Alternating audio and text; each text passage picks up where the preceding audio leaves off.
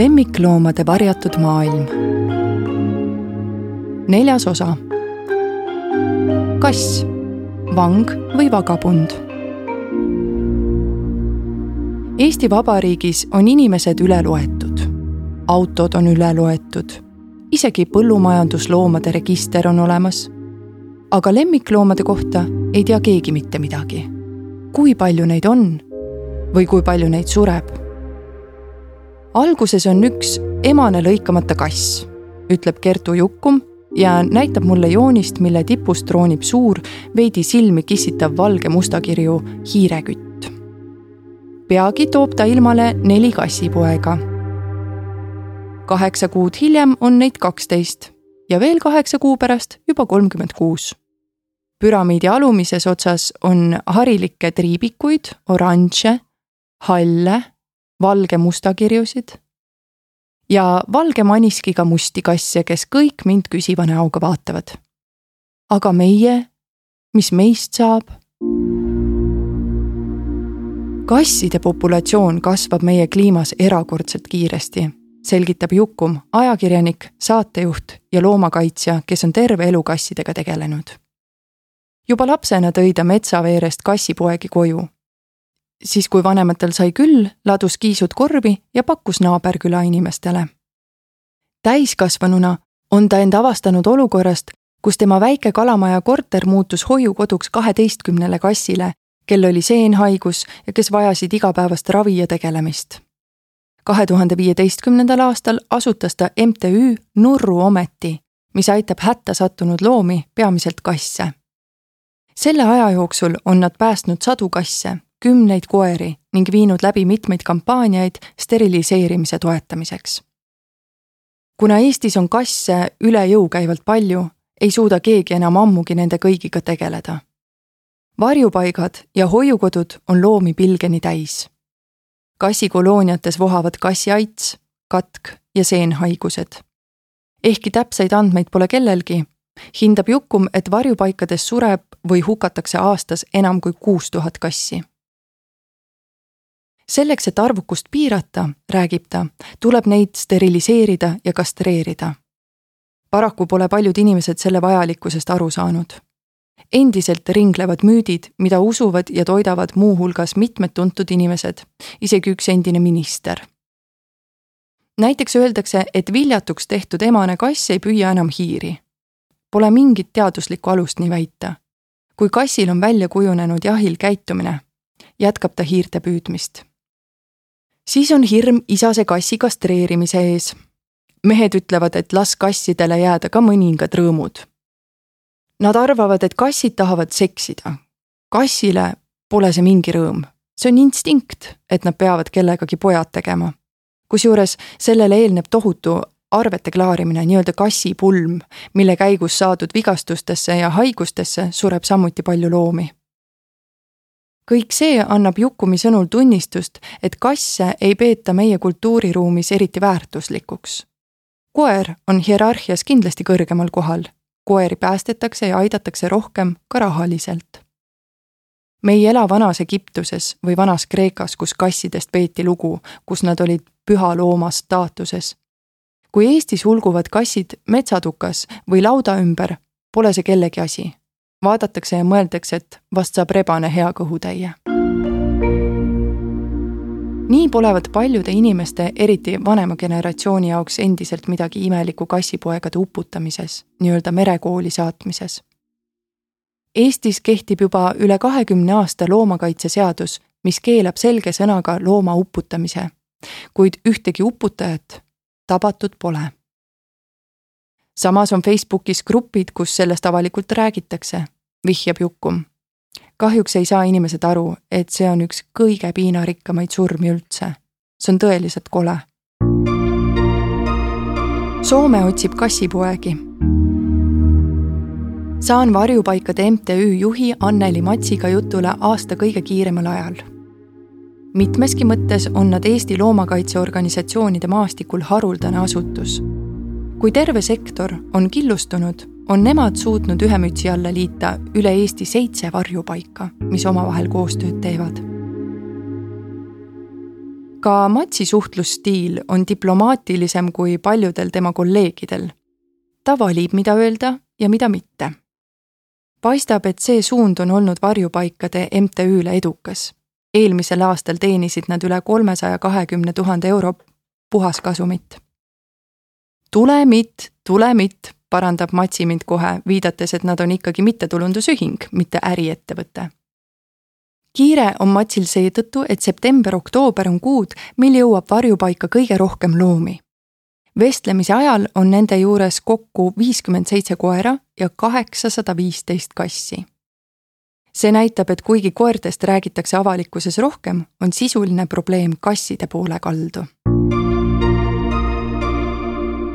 Augustis lahkuvad inimesed suvekodudest ja jätavad kassid ula peale arvestades, et esimesed kassipulmad peetakse varakevadel, on sügiseks jõudnud sündida ja suuremaks kasvada juba mitu pesakonda kasse. sel ajal märgatakse ka rohkem hüljatud loomi. nii jõuabki neid meieni kordades rohkem kui muidu, selgitab Matsi. samas on sügisel loomadele uusi kodusid leida keerulisem kui muidu. vanemad saadavad lapsed kooli, kõigil on korraga väga palju tegemist, mistõttu pole mahti uue kodulooma võtmisega tegeleda. see paneb varjupaigad suure surve alla, sest ripakil loomi on alati rohkem, kui jõutakse oma ruumidesse puuridesse mahutada. huvitava vahelepõikena meenutab Matsi septembri hakul Tallinnas toimunud rahvusvahelist loomakaitsekonverentsi seal sattus ta ühte töötuppa Soome kolleegiga, kohaliku veterinaarameti ametnikuga, kes oli Eesti kassi probleemist kuuldes üllatunud. ta ütles, et neil Soomes on vastupidi, kassipoegi on just liiga vähe. seetõttu on hakanud seal kõlama hääled, et kodukassidel võiks lubada järglasi saada, et neid hiljem edasi müüa. ja üldse mitte väikese summa eest. Soomes on asjad joone peal, kassid on steriliseeritud ja kastreeritud nendib Matsi. edasi räägibki ta pikalt steriliseerimise ja kastreerimise vajalikkusest. inimesed ei taha sugugi aru saada, et kasside arvukuse piiramine on just nende kätes. kõik suured kassikolooniad saavad alguse ühest lõikamata loomast, kelle inimene on kuhugi laokile jätnud ei ole meil sellist liiki nagu metskass, kes ilmub välja ei tea kust ja hakkab sigima, rõhutab ta. kõik tulevad inimeste juurest lõpuks taandub Matsi sõnul kõik sellele, et Eesti lemmikloomakultuur on lihtsalt väga madal. loomi on väga-väga palju. Matsi ei karda isegi öelda, et liiga palju. samas häid kodusid napib. olen näinud tegelasi, kes ütlevad, et nad ei näe oma kassi kiibistamisel mõtet, sest kui rebane nende looma nahka paneb, on kiip rebase sees ütleb ta ja lisab, et sellised juhtumid panevad mõtlema, kas inimene peaks enne looma võtmist läbima koolitused või tegema testid võib-olla ta ei kõlbagi peremeheks. üks vastuolulisemaid teemasid, millest varjupaigad eriti rääkida ei taha ja mis neile tihti varju heidab, on loomade hukkamine. kui varjupaik pani magama nelja-aastase lapse tapnud ja seejärel varjupaiga töötajat rünnanud koera, leidus väga palju inimesi, kes seda absoluutselt ei mõistnud. oleks pidanud hoopis ümber kasvatama, õpetasid nad me ei eutaneeri, selgitab Matsi, vaimselt ja füüsiliselt terveid loomi. kodulehel kirjutavad nad selle kohta nii. kui loomal on väga väike lootus leida uut kodu, ta ei ole sotsiaalne, tema ravi ei anna tulemusi, kass on FIV viiruse, kassiaitsi kandja või varjupaigas ei ole piisavalt ruumi, et tagada loomade heaolu, ei pruugi olla varjupaigal võimalik looma peale neljateistkümnendat päeva pidada seaduses kirja pandud neliteist päeva tähistab aega, mil varjupaigal tuleb otsida looma vana peremeest ja ka peremees võiks oma looma otsida. kui see ei õnnestu, võib varjupaik anda looma uue kodusse või ta magama panna. Eesti Kirjul Loomakaitse väljal tegutseb organisatsioone, ka väiksemaid iseseisvaid varjupaiku, kes ütlevad enda kohta no kill. elu iga hinna eest. Matsi ütleb, et see kõlab hästi aga reeglina saavad need asutused valida, keda nad enda juurde võtavad. meie ei saa valida. meie peame tänavalt ka need kõige puruhaigemad vastu võtma. julgelt kaheksakümmend protsenti kassidest kannab mingit haigust, tõdeb ta. ükskõik kui palju ma ka ei küsiks, Matsi keeldub ütlemast, kui palju nad aastas loomi hukkavad. isegi suurusjärku ei ütle. selleks on tal oma põhjus. Kohe, kui ta selle arvu välja käib, puhutakse see suurelt pealkirjadesse, arvab juhataja. mitmekihiline kontekst, mis seda kurba arvu saadab, jäetakse aga piisava tähelepanuta või üldse kõrvale. võivad järgneda süüdistused ja ka isiklikud rünnakud varjupaigatöötajate pihta, kellele loomade hukkamine on niigi raske. ühe silmaga ja puuris. Helistan pikaaegsele loomaarstile Tiina Toometile. küsin, kas kasse, aga ka teisi lemmikloomi pannakse Eestis liiga kergekäeliselt magama. teate, ütleb ta, mulle tundub, et me oleme jõudnud Eestis pigem järgmisse etappi, sinna, kus me ei taha enam kedagi magama panna, kus on elu iga hinna eest ja see pole samuti hea. just samal päeval nägi ta sotsiaalmeedias üht üleskutset, et kodu otsib kass, kes on viis aastat haigena varjupaigas veetnud. tema heaks koguti raha, et maksta kinni tema haige silma eemaldamine. aga Toometil tekkis küsimus, mis on selle mõte? mitte rahaliselt, aga sisuliselt loom on viis aastat elanud puuris, temalt võetakse proove, teda opereeritakse ja väntsutatakse siia-sinna see on kassidele ääretult stressirohke. siis pannakse ta puuri tagasi ja keegi ei tea, kas ta üldse kunagi puurist välja saab. Jube lihtne on olla seisukohal, et me ei võta elu, elu on püha, aga loomaarstina näen olukordi, kus loom ei saa enam oma asemelt üles, kus omanik veab teda mingite voodilinade abil õue, et ta saaks pissitud. ta ei ole rõõmus. inimese kohus oleks võtta see oma südamele ja loomapiinad lõpetada. ta jääb ju lihtsalt magama muidugi ei saa iga väikese häda peale looma eutaneerida, aga loomaarst peab üheks oma ülesandeks teha inimestele selgeks, mis hetkel loomad ei taha enam meie juures olla. traagiline on see, et inimesed ei kipu seda üldse ära tundma. Toometi sõnul leidub omanikke, kes raiuvad, et ei saa ilma loomata. aga loom vaatab juba ammu sellise näoga taeva poole, et talle aitab. armastust looma vastu pole kunagi liiga palju aga armastuse kõrval peab ka reaalsust nägema. Sama lugu on nendega, tihtipeale vanemate üksikute inimestega, kes on enda ümber loonud kassi või koera kolooniad, kus ühtegi uut tulijat tagasi ei lükata. Nad tahavad head, aga reeglina teevad nad loomadele karuteene.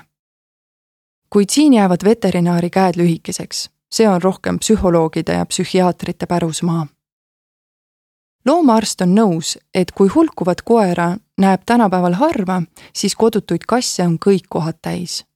Suur osa neist elab ohtlikku, aga põnevat vagabundi elu. Nad püüavad hiiri ja linde, liiguvad vabalt ringi. siis võetakse nad kinni, pannakse kitsasse puuri. Nende eest küll hoolitsetakse, neil on peavari ja piisavalt toitu, aga kas see on ikkagi elu, mida nad tahavad? loomade eluküünla lõpetamise üle arutades tuleb Toometi sõnul kõigepealt mõista, et loom elab hetkes. ta toob näite. Kui inimesel kaks jalga maha lõigatakse, siis ta mõtleb, et ta elab edasi ratastoolis. ta näeb oma lapselapsi, loeb raamatuid. aga kui loomal on siin ja praegu väga õudne, on tal raske ette kujutada, et äkki viie aasta pärast on natuke parem. appi tuleb koeratoit kui ma lemmikloomade teemat uurima hakkasin, mõtlesin naiivselt, et esimese asjana raamistan probleemi ja kogun kokku statistika. Kui palju on Eestis inimestel lemmikloomi, kuidas on nende arv muutunud, mitu looma magama pannakse, mida näitavad hammustused? üsna kiiresti sain aru, et olin tõesti naiivne. lemmikloomanduses valitseb krooniline riikliku statistika puudus, andmepimedus nagu üks allikas mulle alguses ütles, võib-olla sada tuhat, aga võib-olla ka viissada tuhat lemmiklooma. Ja siis naeris nõutult. mingid orientiirid siiski on. Eestis on kaks eraalgatuslikku lemmikloomaregistrit, kohalike omavalitsuste ja väikeloomaarstide seltsi register. viimane näitab oma kodulehel, et neil on hetkel arvel viiskümmend viis tuhat seitsesada kaheksa koera kakskümmend tuhat üheksasada seitsekümmend viis kassi, kakssada kuuskümmend kolm tuhkrut, üheksa hobust, kaks jänest, kaks merisiga, üks hamster ja üheksa muud looma. kõik valdkonnas tegutsevad inimesed ütlevad, et tore küll, aga neis arvudes peegeldub vaid murdosa kõigist lemmikloomadest. enamikku loomi ei kiibistata ja need, keda kiibistatakse, ei pruugi jõuda registrisse. meil on inimesed üle loetud, autod ja põllumajandusloomad on arvel, aga lemmikloomi ei pea riik millegipärast arvestamisväärseks, ütleb Anneli Matsi siiski aitab tema meid selgusele veidigi lähemale. ta võtab välja Euroopa Lemmikloomatoidutööstuse Liidu raporti, mis tugineb kaubanduses müüdud toidu kogustele ja teadmisele sellest, kui palju üks loom aastas arvutuslikult sööb.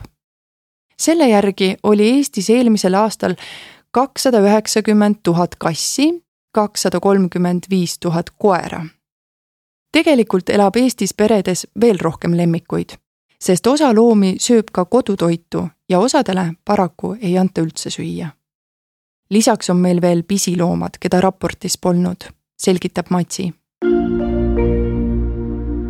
eraldi lugu on hammustustega.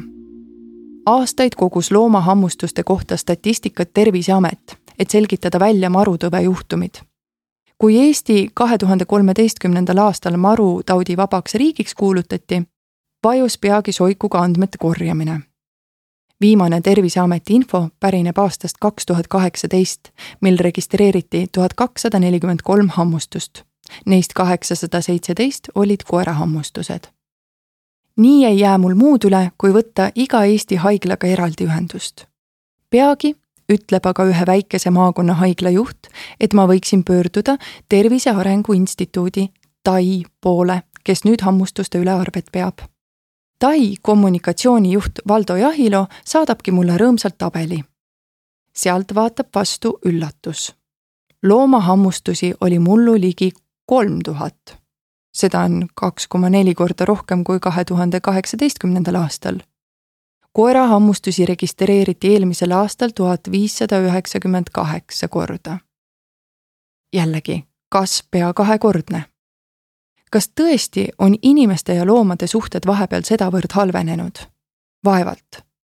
viga tuleb välja, et on hoopis metoodikas. terviseameti ja Tai loomahammustuste statistika pole omavahel võrreldavad, ütleb mulle Tai analüütik Liina Veskimäe. Ta selgitab keeruliselt ja kasutab palju akronüüme DSTUA, TTO, THA kuid kui ma temast õigesti aru saan, tugines Terviseamet haiglatelt saadud esmajuhtude koondandmetele. Tai aga lähtub Haigekassale esitatud raviarvetest. viimane, annab Veskimäe mõista, peaks olema oluliselt täpsem. Tai saab raviarvete andmed igal kevadel, mistõttu jooksva aasta kohta neil infot pole. uurin haiglatelt, kas hammustuste arv on tänavu suurenenud enamik haiglajuhte vastab kirjalikus kommentaaris, et mingit erilist kasvu nad täheldanud pole. veelgi enam, looma ja kitsamalt koerahammustuste tohterdamine on mikroskoopiline osa nende tööst. Siiski saatsid neliteist Eesti haiglat, osa haiglaid ei saanud infot kätte või ei andnud seda välja, käesoleva aasta üheksa kuu andmed, millest nähtub, et tänavu on registreeritud sama palju koerahammustusi kui terve eelmise aasta peale kokku suured lemmikud saavad kiibid. kuigi Eestis on lemmikloomadega tegelevaid organisatsioone lademetes ja kõigil neil on riigile omad nõudmised, kellel suuremad, kellel väiksemad, siis ühes asjas on nad enam-vähem samal nõul. et Eesti riigil võiks olla parem statistika. miks mitte teha algust kiibistamiskohustuse ja üleriigilise lemmikloomaregistri pidamisega?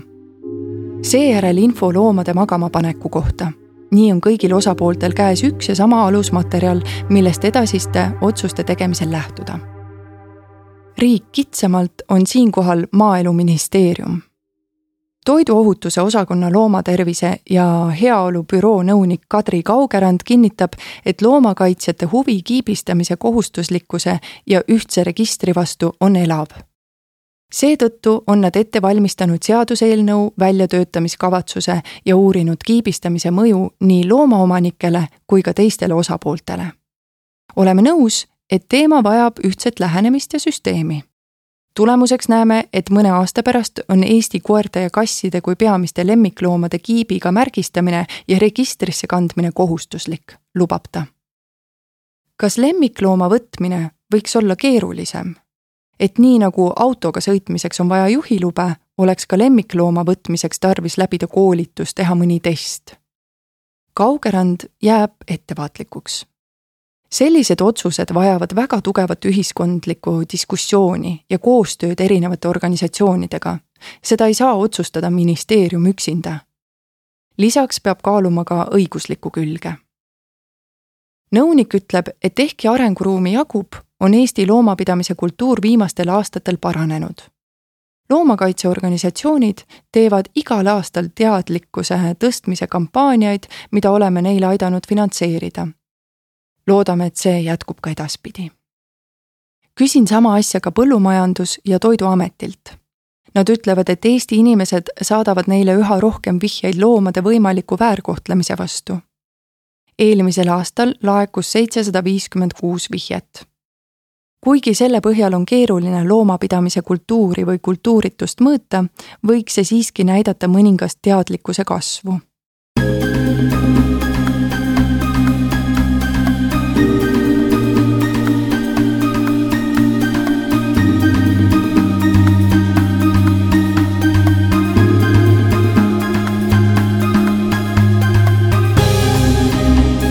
autor Lennart Ruuda. audiolugu luges Inga Salurand, salvestus, helikujundus ja originaalmuusika Janek Murd. Levila kaks tuhat kakskümmend kaks